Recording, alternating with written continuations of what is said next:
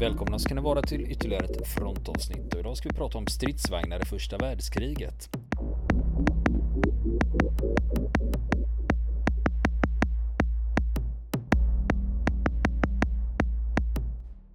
Ja du Niklas, vad var det du tänkte berätta om idag då? Ja, vad vet du om den 15 september 1916? Vad hände då?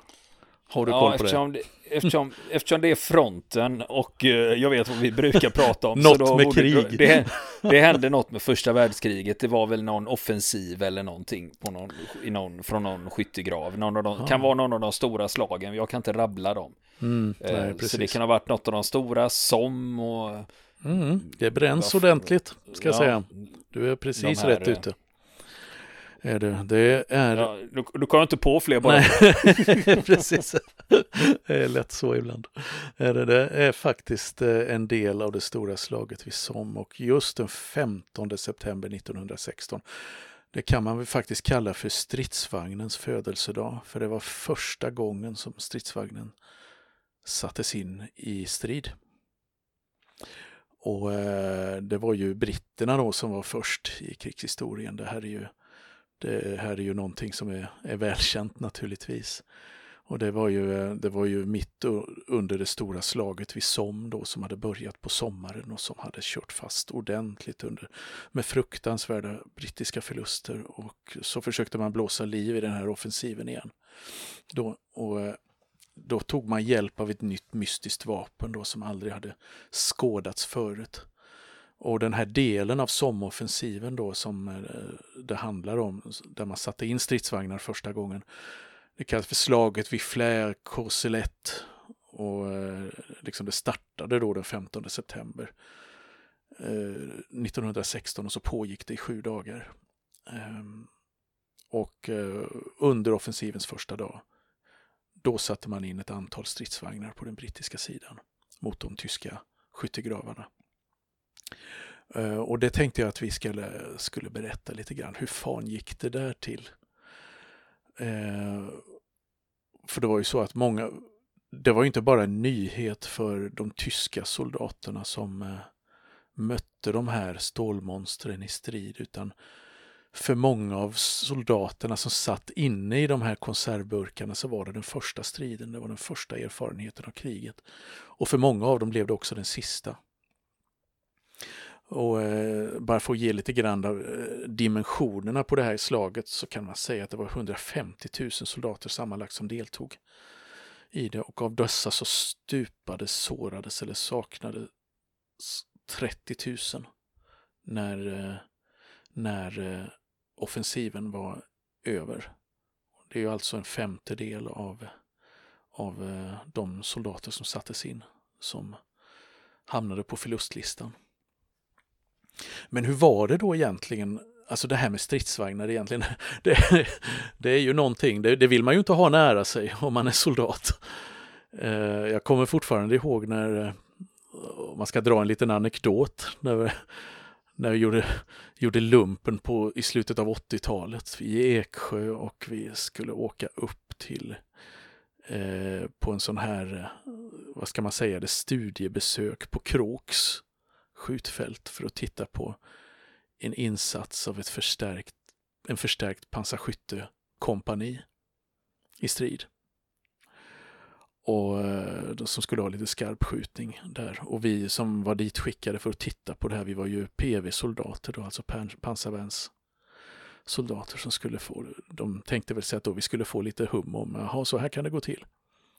Och då vet jag att när de satte igång de, de, de gamla Centurion och stridsvagn S-vagnarna och brassa på så vet jag att eh, vår kompanichef frågade en av mina kamrater som också var gruppchef där. Och, ja, ja, vad hade du gjort om du hade legat framme på den kullen? Och han svarade helt sanningsenligt. Liksom, ja, jag hade sprungit ända ut i Vättern.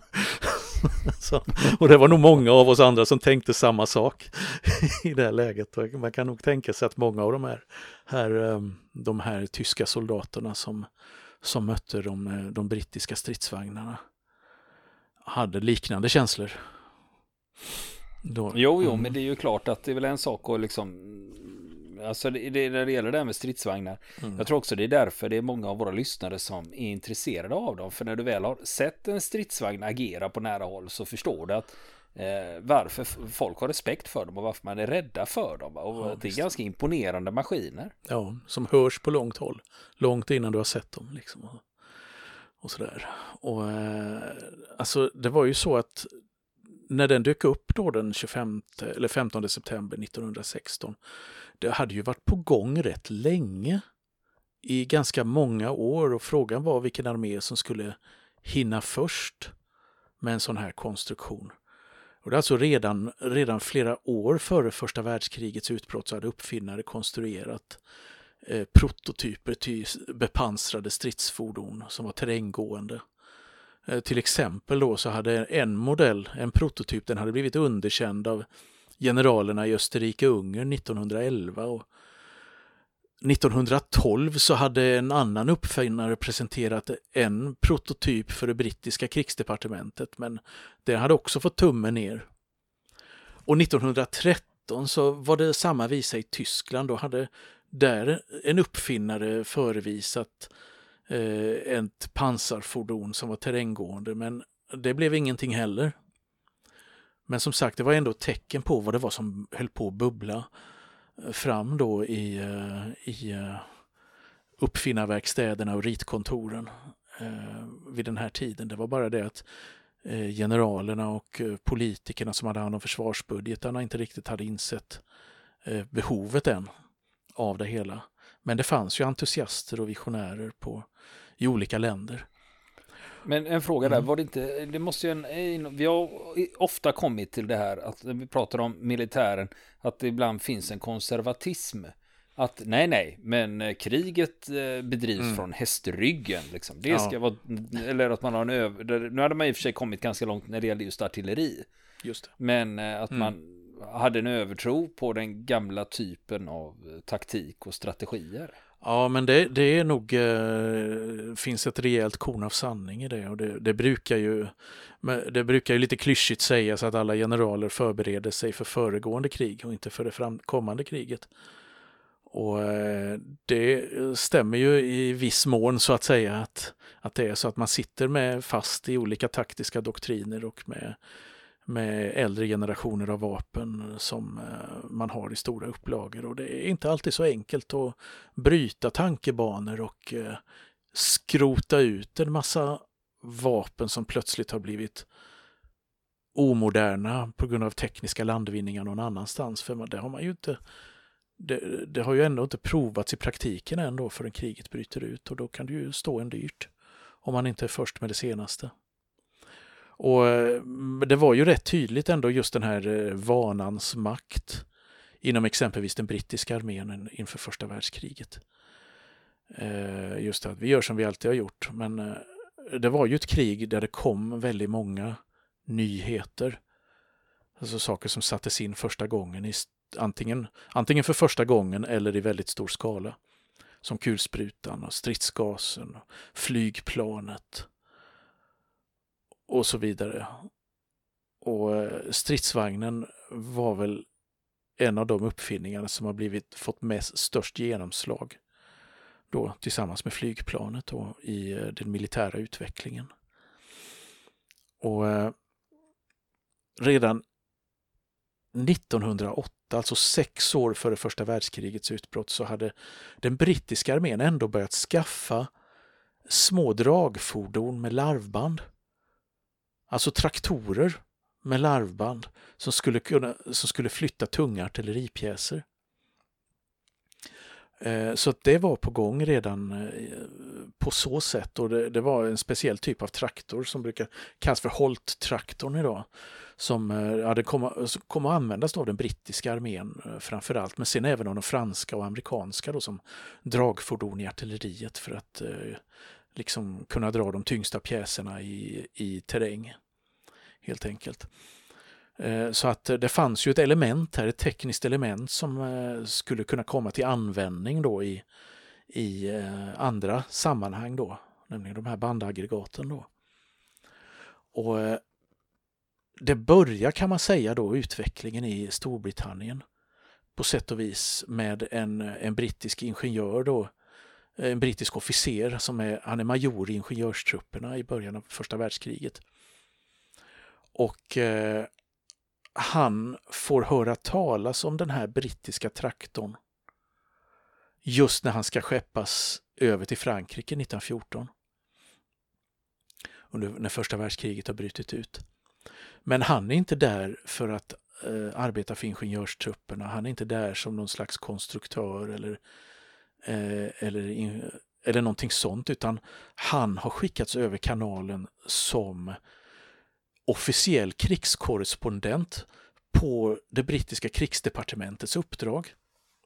Det var ju hård censur och ändå över vad som skulle eh, liksom, rapporteras till hemmafronten och till omvärlden om vad som eh, ja, hände på, vid västfronten då, speciellt hos britterna.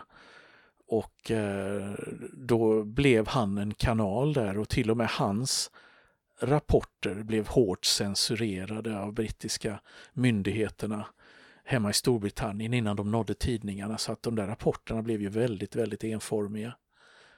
Och, eh, så det är ju lite grann av det här på västfronten, inte ett nytt, som Erich Maria Remarques eh, roman efter kriget döptes till då. Eh, och eh, han eh, var då en eh, lite äldre officer, han var i 45-årsåldern. Han var född i Indien där hans far hade varit kolonialtjänsteman. Men, men familjen återvände då till Storbritannien när han fortfarande var ett barn och 1888, alltså då är han 20 år gammal och då påbörjar han en officerskarriär i de brittiska ingenjörstrupperna, alltså Royal Engineer Corps. Och hamnar i Indien i flera år. Eh, kommenderad dit och sen så är han i Boerkriget eh, där vid eh, runt sekelskiftet då och kommer därifrån med en medalj då, The Distinguished Service Order. Och hans specialitet är järnvägsbyggen. Men han är ändå en väldigt mångsidig person, du vet, med ett rörligt intellekt och så här. Så han är väldigt intresserad av militär taktik, av fortifikationer och nya vapen. Och särskilt det här med den nya kulsprutan då som har kommit i stora upplagor i de olika stormaktsarméerna intresserar honom särskilt hur man kan använda den och hur man kan bekämpa den och så vidare.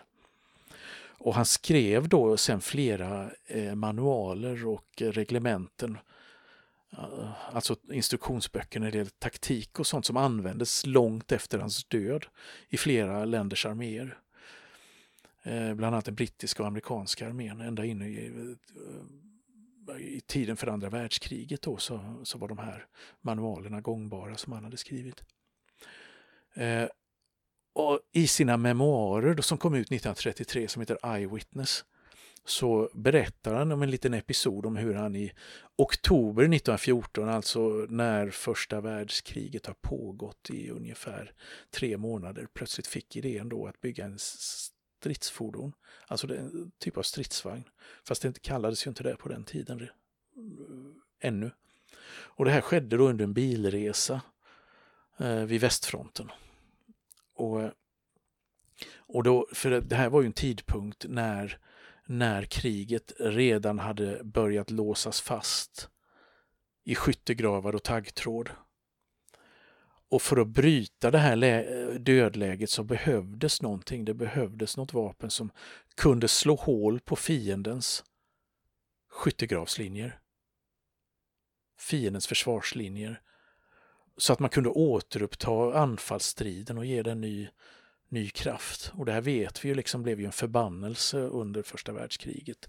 Och Det är därför vi har det här skyttegravskriget år ut och år in. För att man man inte mäktade med nytänket helt och hållet och man hade inte eh, de tekniska uppfinningar som, som kom. Så det tog tid innan man lyckades anpassa dem och hitta rätt miljö för att sätta in dem i. Däribland stridsvagnen då. Så att, och den här idén då som han får då.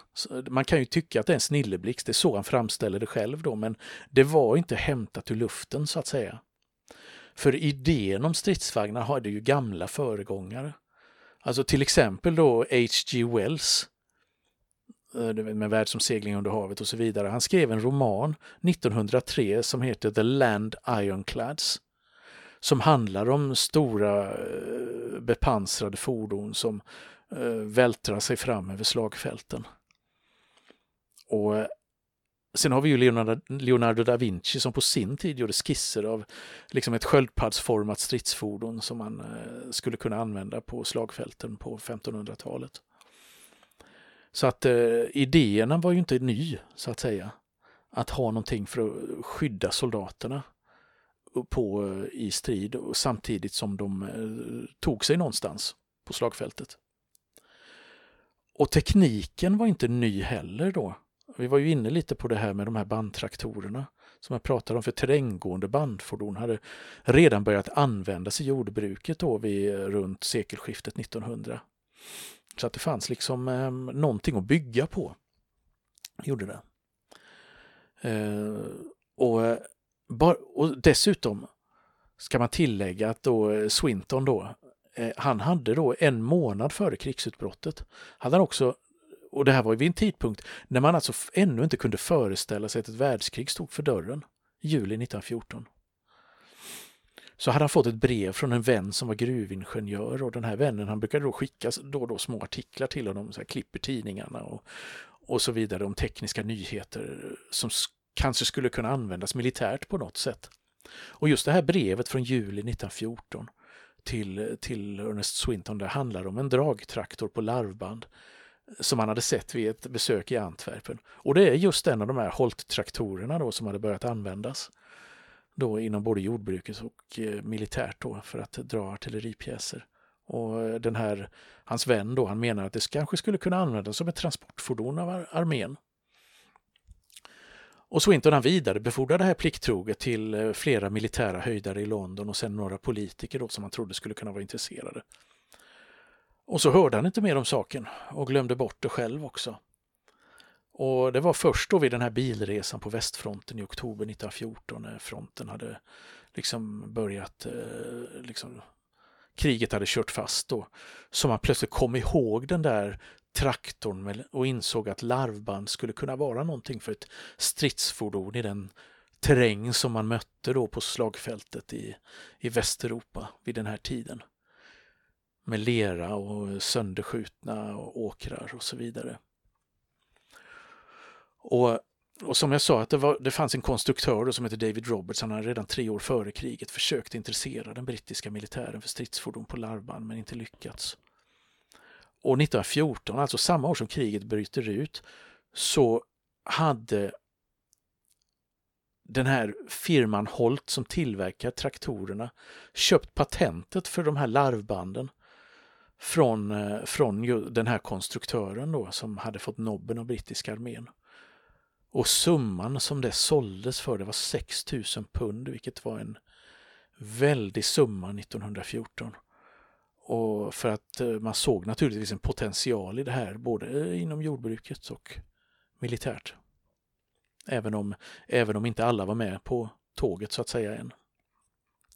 Och i synnerhet inte då den brittiska eh, krigsledningen. Och när första världskriget bröt ut då hösten eh, och, och, fortsatte liksom och körde fast hösten 1914 då i skyttegravskrig.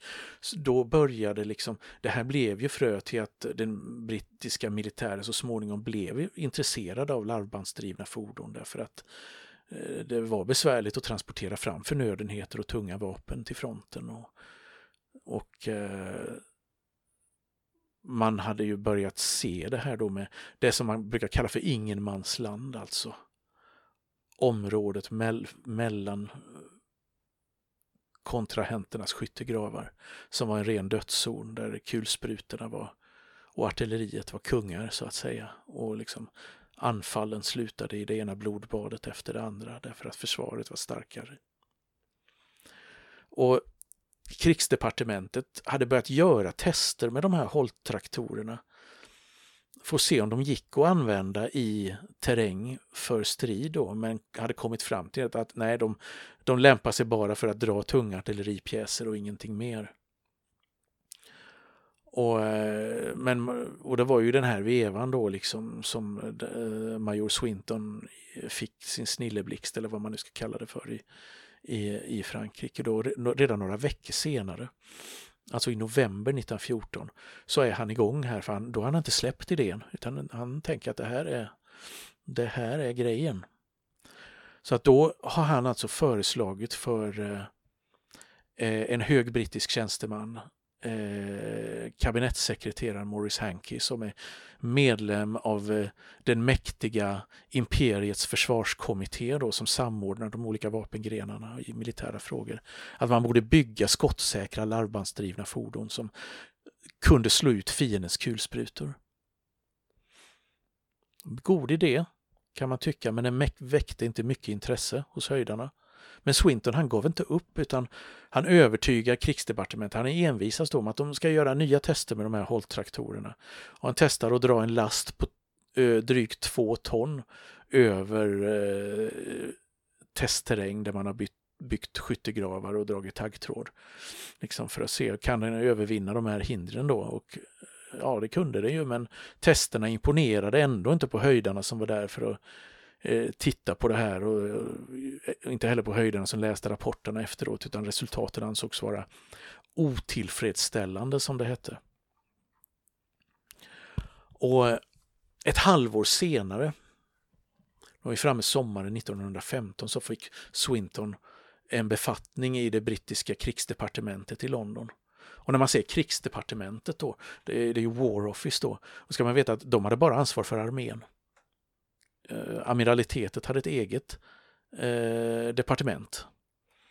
Och sen eh, senare då under andra världskriget eller mellankrigstiden så tillkom det ännu ett departement och det var för flygvapnet så man hade ju egna ministrar. Det fanns, liksom, samordningen skedde i liksom, en politisk kommitté där det satt generaler och politiker. Då. Och det var ju den här imperiets försvarskommitté som jag nämnde tidigare. Och eh, när han har kommit dit då till den här skrivbordsbefattningen i London så han är fortfarande inne på den här idén vid pansarfordon som är terränggående. Det är en melodin för att kunna slå ut tyskarnas eh, kulsprutevärn. Det gäller liksom att kunna få en vapenplattform då som kan bära vapnet tvärs över den här eh, liksom besvärliga terrängen kunna liksom köra ner taggtrådshindren och ta sig över skyttegravarna utan att köra fast. Och sen på kort håll kunna bekämpa skyttegravs eh, eller kulsprutenästerna då. Så att han börjar liksom se sig om i maktens korridorer i London. Kan han hitta allierade? Kan han hitta folk han kan omvända? Kan han, eh, ja, eh, hitta liknande projekt. Och då upptäcker han en sak som han inte riktigt hade väntat sig. Och han hade definitivt inte väntat sig att hitta den där han gjorde det.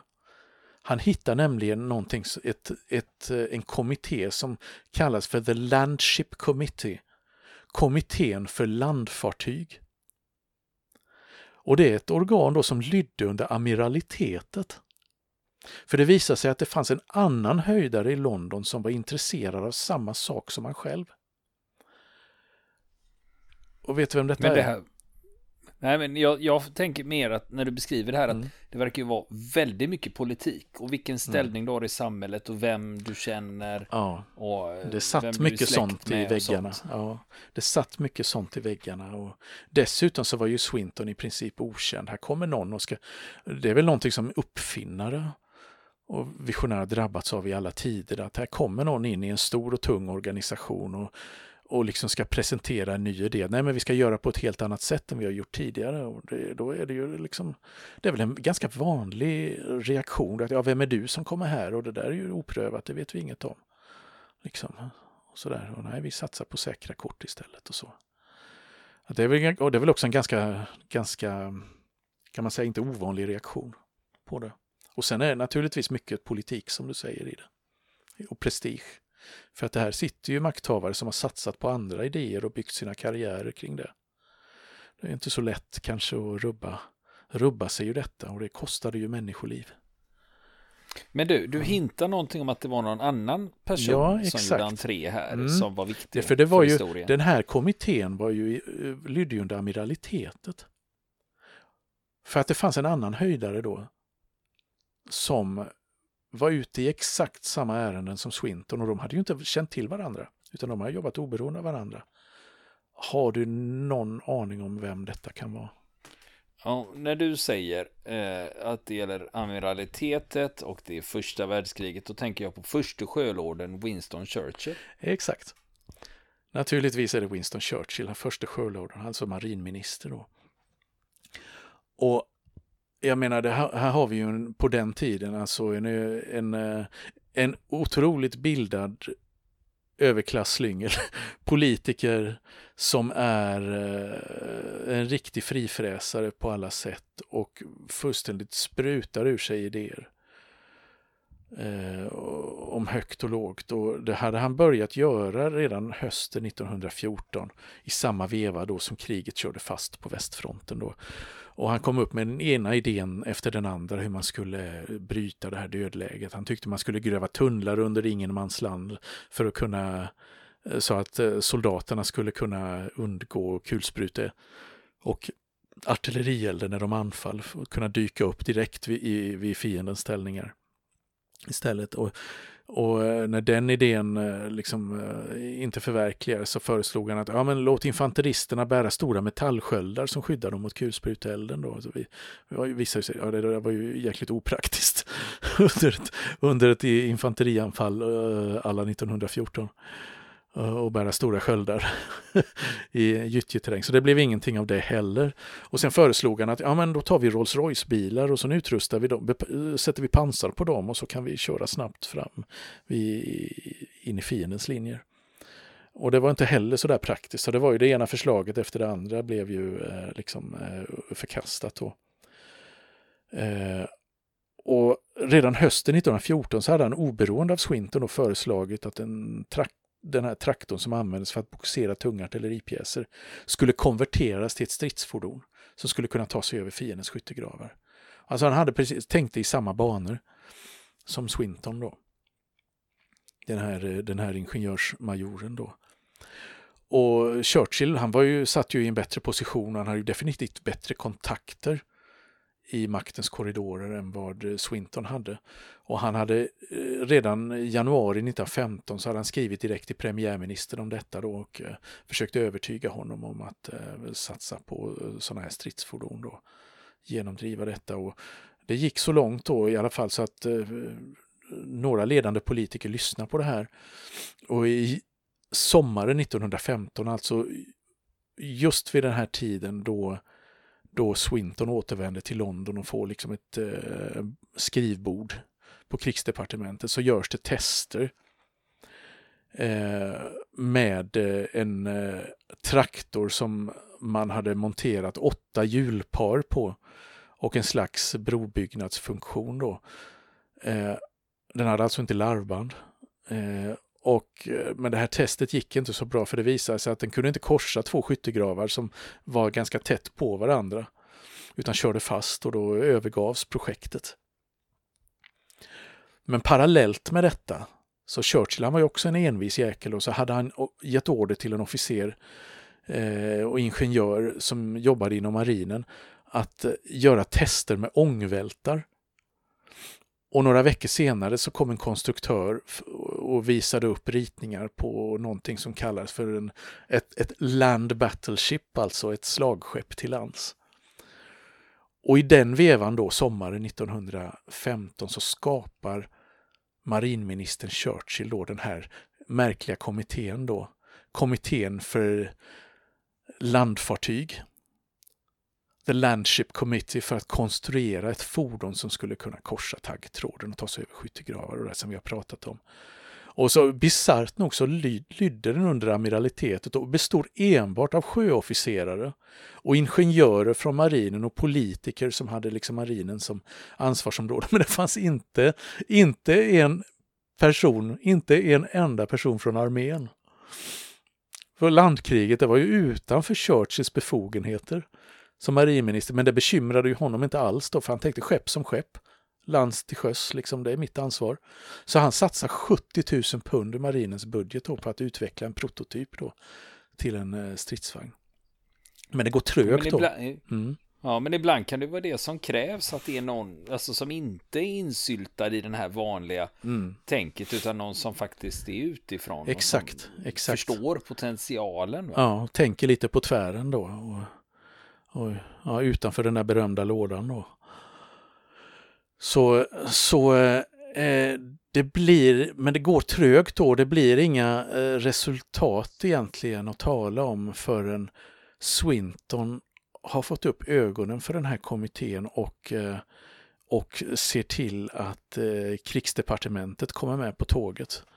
Då.